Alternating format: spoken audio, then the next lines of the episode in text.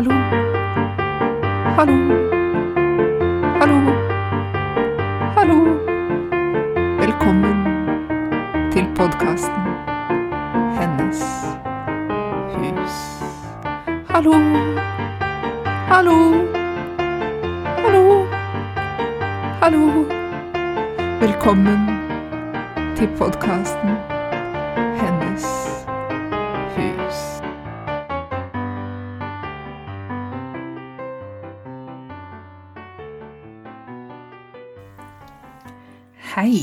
Velkommen til en ny episode av Hennes hus.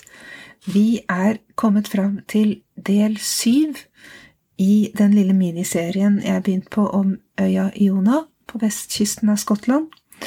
Og i dag skal jeg ta for meg eh, reformasjonen og eh, moderne, moderne tid.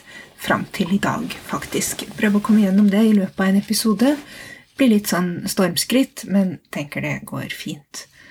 Um, så, men først så vil jeg da bare si at denne lille miniserien om Iona er del av eh, sesong én av Hennes hus, som eh, handler om såkalte tynne steder. Og tynne steder er et begrep henta fra keltisk spiritualitet, som betegner steder der sløret mellom det dennesidige og det hinsidige anses for å være tynnere enn ellers. Og Jona er et av de mest kjente uh, slike stedene, um, sånn tradisjonelt sett. Um, og jeg var der i, i 2020 og, og, ble veldig inspirert, så, så jeg bestemte meg for å lage en en miniserie om øya, og har gått litt sånn kronologisk gjennom historien fra 500-tallet, eh, da eh, Saint Colomba, som han kalles, grunnla et kloster der. Han kom fra Irland. Og da kan man gå tilbake og høre på de andre episodene hvis man vil, hvis man ikke har gjort det. Det anbefales. Men i dag altså så begynner jeg med reformasjonen. For eh, som ellers i Europa så innebar jo den at eh, klosterordningen og klostervesenet ble oppløst eh, i de landene som eh, gikk over til protestantisme av ulikt, ulikt slag. Og det gjorde man jo i, i Skottland. Og jeg skal ikke gå inn på detaljene i det, for det er en komplisert historie som jeg ikke kan, men poenget her er at eh, klostervirksomheten opphørte, eh, og eh, munkene som da bodde på Jona, de fikk faktisk lov til å bo der livet ut og fikk en slags pensjon, men man sluttet å akseptere nye medlemmer. Og dette er jo ganske mildt. Mange steder så var den oppløsningen av klostervesenet en veldig voldelig affære. I Irland, blant annet, hvor det var også politikk og makt inne i bildet, så var det grusomme massakrer av, av munker og prester og sånn i disse klostrene når, eh, når engelske eh, ja, militære eh, stormet fram med en protestantisk ideologi, da, i tillegg til maktinteresser. Men det er en annen historie. I, her på Jonas så var dette, så vidt jeg kan forstå, ganske fredelig, eh, men, eh, men klosteret sluttet å, å, å, virke som kloster, rett og slett. Og det ble etter hvert i stor grad liggende øde. Um, det um, Man prøvde Det var, lå jo ganske langt fra Edinburgh og fra liksom politikkens eh, senter, mer i øst. Så, så det, det, hadde ikke lenger den sentrale posisjonen som det hadde i tidlig middelalder, eh, hvor det først var del av dette skotsk-irske riket som het Aldriada, og, og også lå uh, sentralt, liksom, faktisk, på grunn av at sjøveien var så viktig for kommunikasjon og handel. Så, så, men det mistet liksom den posisjonen etter hvert, da. Uh, og, og, i tillegg var det ikke lenger kloster, så var bygningene lå nå der. Eh, man prøvde i 1630-årene å, å gjeninnvie det som en katedral for hebridene, men kirken var i veldig dårlig stand, og dette forsøket varte bare kort tid. Eh, og så kom den engelske borgerkrigen, som også er en, en annen historie, men den kom liksom imellom, og det neste vi hører om kirken, er at den ble brukt av lokalbefolkningen på søndager, rett og slett. Det var en som var på besøk der i 1688, som forteller det. Og tidlig på 1700-tallet så datt taket på kirka, eh, kirken i klosteret liksom, sammen. Så det, det var det. Men um, på, fra midten av 1700-tallet så begynner jo litt denne romantiske bølgen å gjøre seg gjeldende, og da økte etter hvert antallet besøkende til øya, og det var særlig religiøse turister som satte pris på det vakre landskapet. Og dette skulle vise seg å bli en, en stigende trend eh, utover. Etter hvert eh, på 1800-tallet så begynte det også å komme en del eh, berømte folk. Han eh, Felix Mendelssohn han var der, blant annet, og komponerte den såkalte Hebride-overtyren, inspirert av stemningen på øya. Og dronning Victoria og prins Albert kom også på besøk, så man ser jo noen trender her som har eh, ligget som røde tråder gjennom hele øyas historie, og det er denne vakre atmosfæren, den spesielle atmosfæren, man ser at kunstnere også blir tiltrukket av den, Um, og så er det dette kongelige, da. Uh, de, de, alle de kongelige gravene og, og, de kongelige som kommer på besøk. Det, det er spesielt. Jeg har også hørt at den blir kalt for Kongeøya. Nå husker jeg ikke den sammenhengen, men det var en ganske tidlig kilde, tror jeg.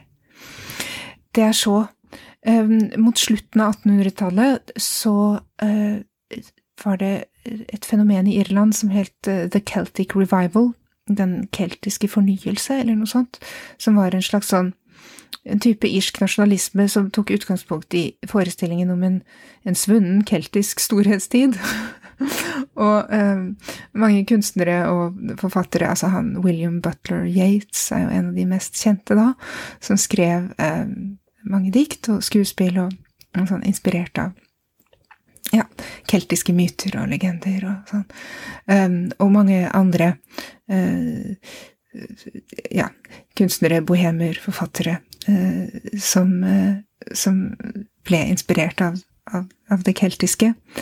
Um, og eh, mange av disse kom også på besøk til øya og, og lot seg inspirere av atmosfæren der.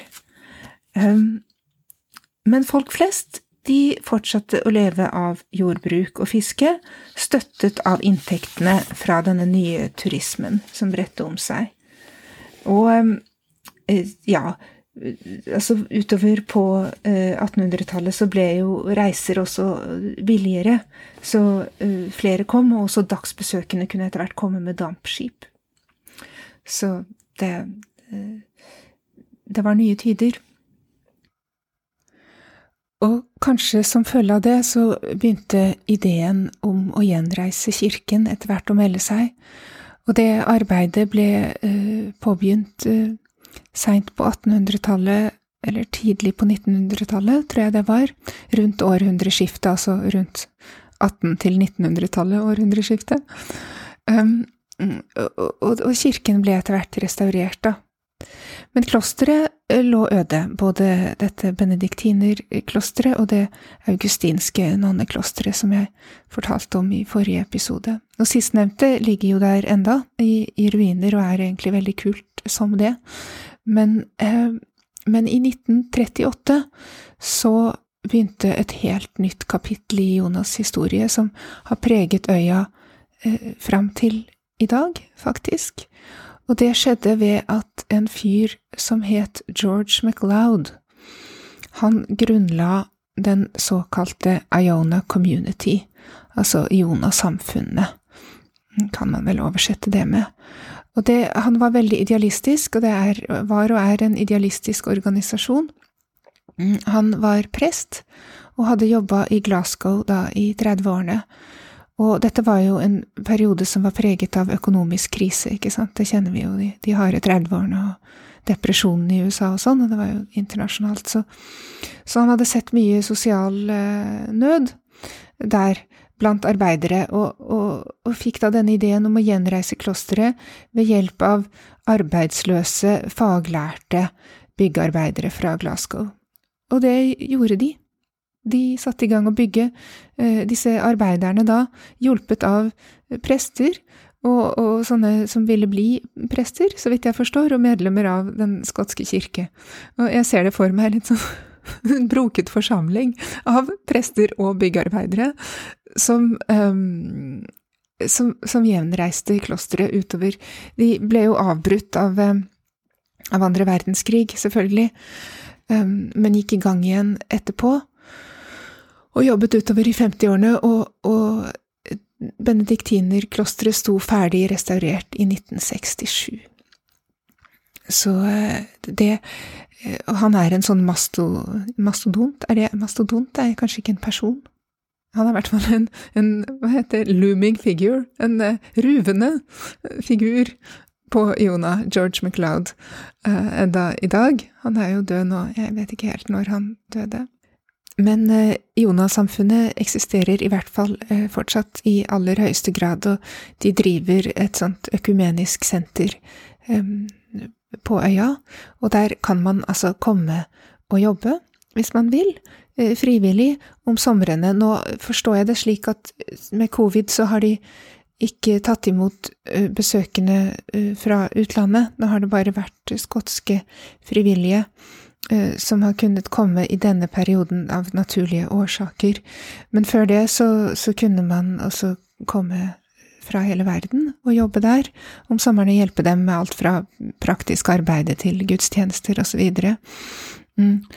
Og det, de har medlemmer eh, det, Kanskje begynner man med det igjen, hva? Når verden åpner opp igjen. Det får vi jo virkelig, virkelig håpe. Eh, men, eh, men de har medlemmer da fra alle de store kristne retningene. Altså økumenisk er jo sånn felleskristelig. De har en slags idé om at man vil det samme, enten man er ortodoks eller katolsk eller en eller annen form for ja, protestantisk eller frikirkelig, whatever, liksom. Så veldig mye bra. Um, opprinnelig var klosteret tenkt og det skulle være en slags utdannelsesinstitusjon for prester i Den skotske kirke, men de oppga den ideen, og så ble det heller dette um, felleskristelige senteret, da. Så kvinner fikk anledning til å være fulle medlemmer i, eh, mot slutten av 60-tallet. Det er jo ganske seint, må man si. Eh, men hurra, vi får lov å være fulle medlemmer nå. Det må vi jo feire. Endelig. Ja, status som fullt menneske innen Iona Community. Litt, litt seint, spør du meg, men, men dog. La oss være glad for det.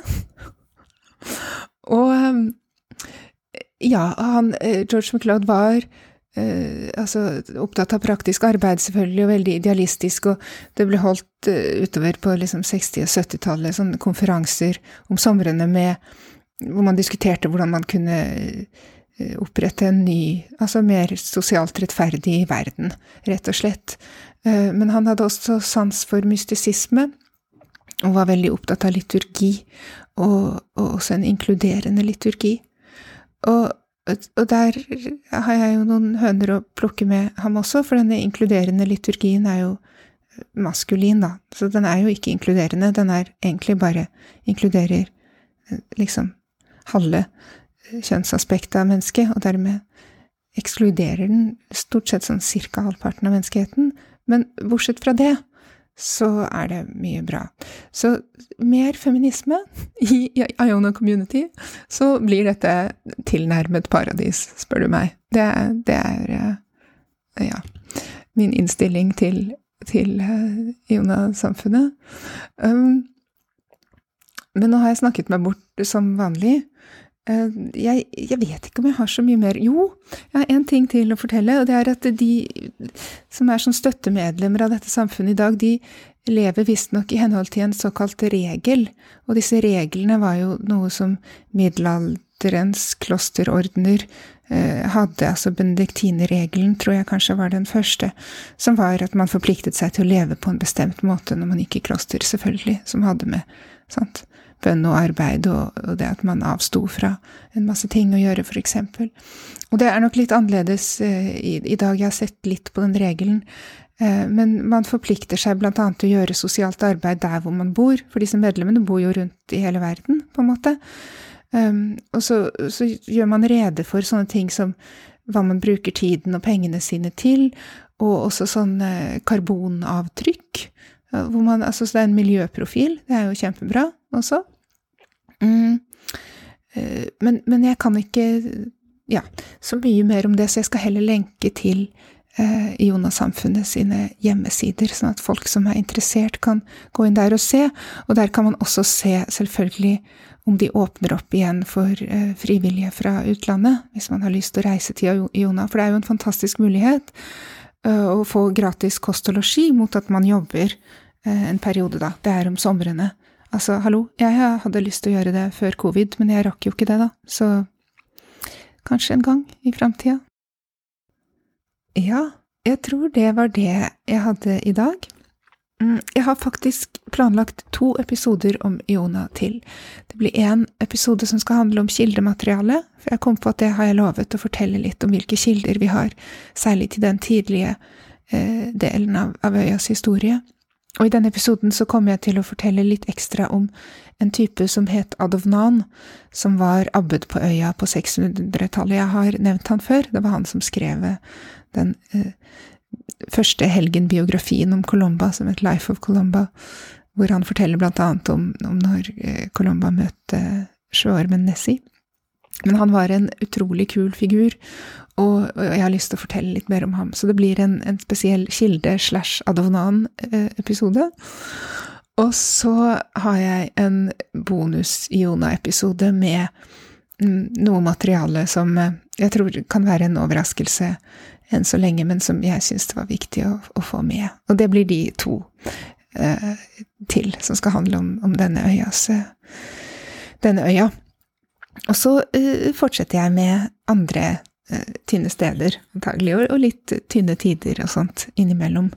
Eh, vi får se. Men følg med, følg med. overraskelsene kommer som perler på en snor. Nei, ok. Da takker jeg for i dag. Veldig, veldig koselig at dere hører på. Kom gjerne med spørsmål, kommentarer, tilbakemeldinger. Eh, det er veldig, veldig hyggelig å høre fra dere. Og ja, ha det riktig bra. Eh, så høres vi plutselig. Hei og hå!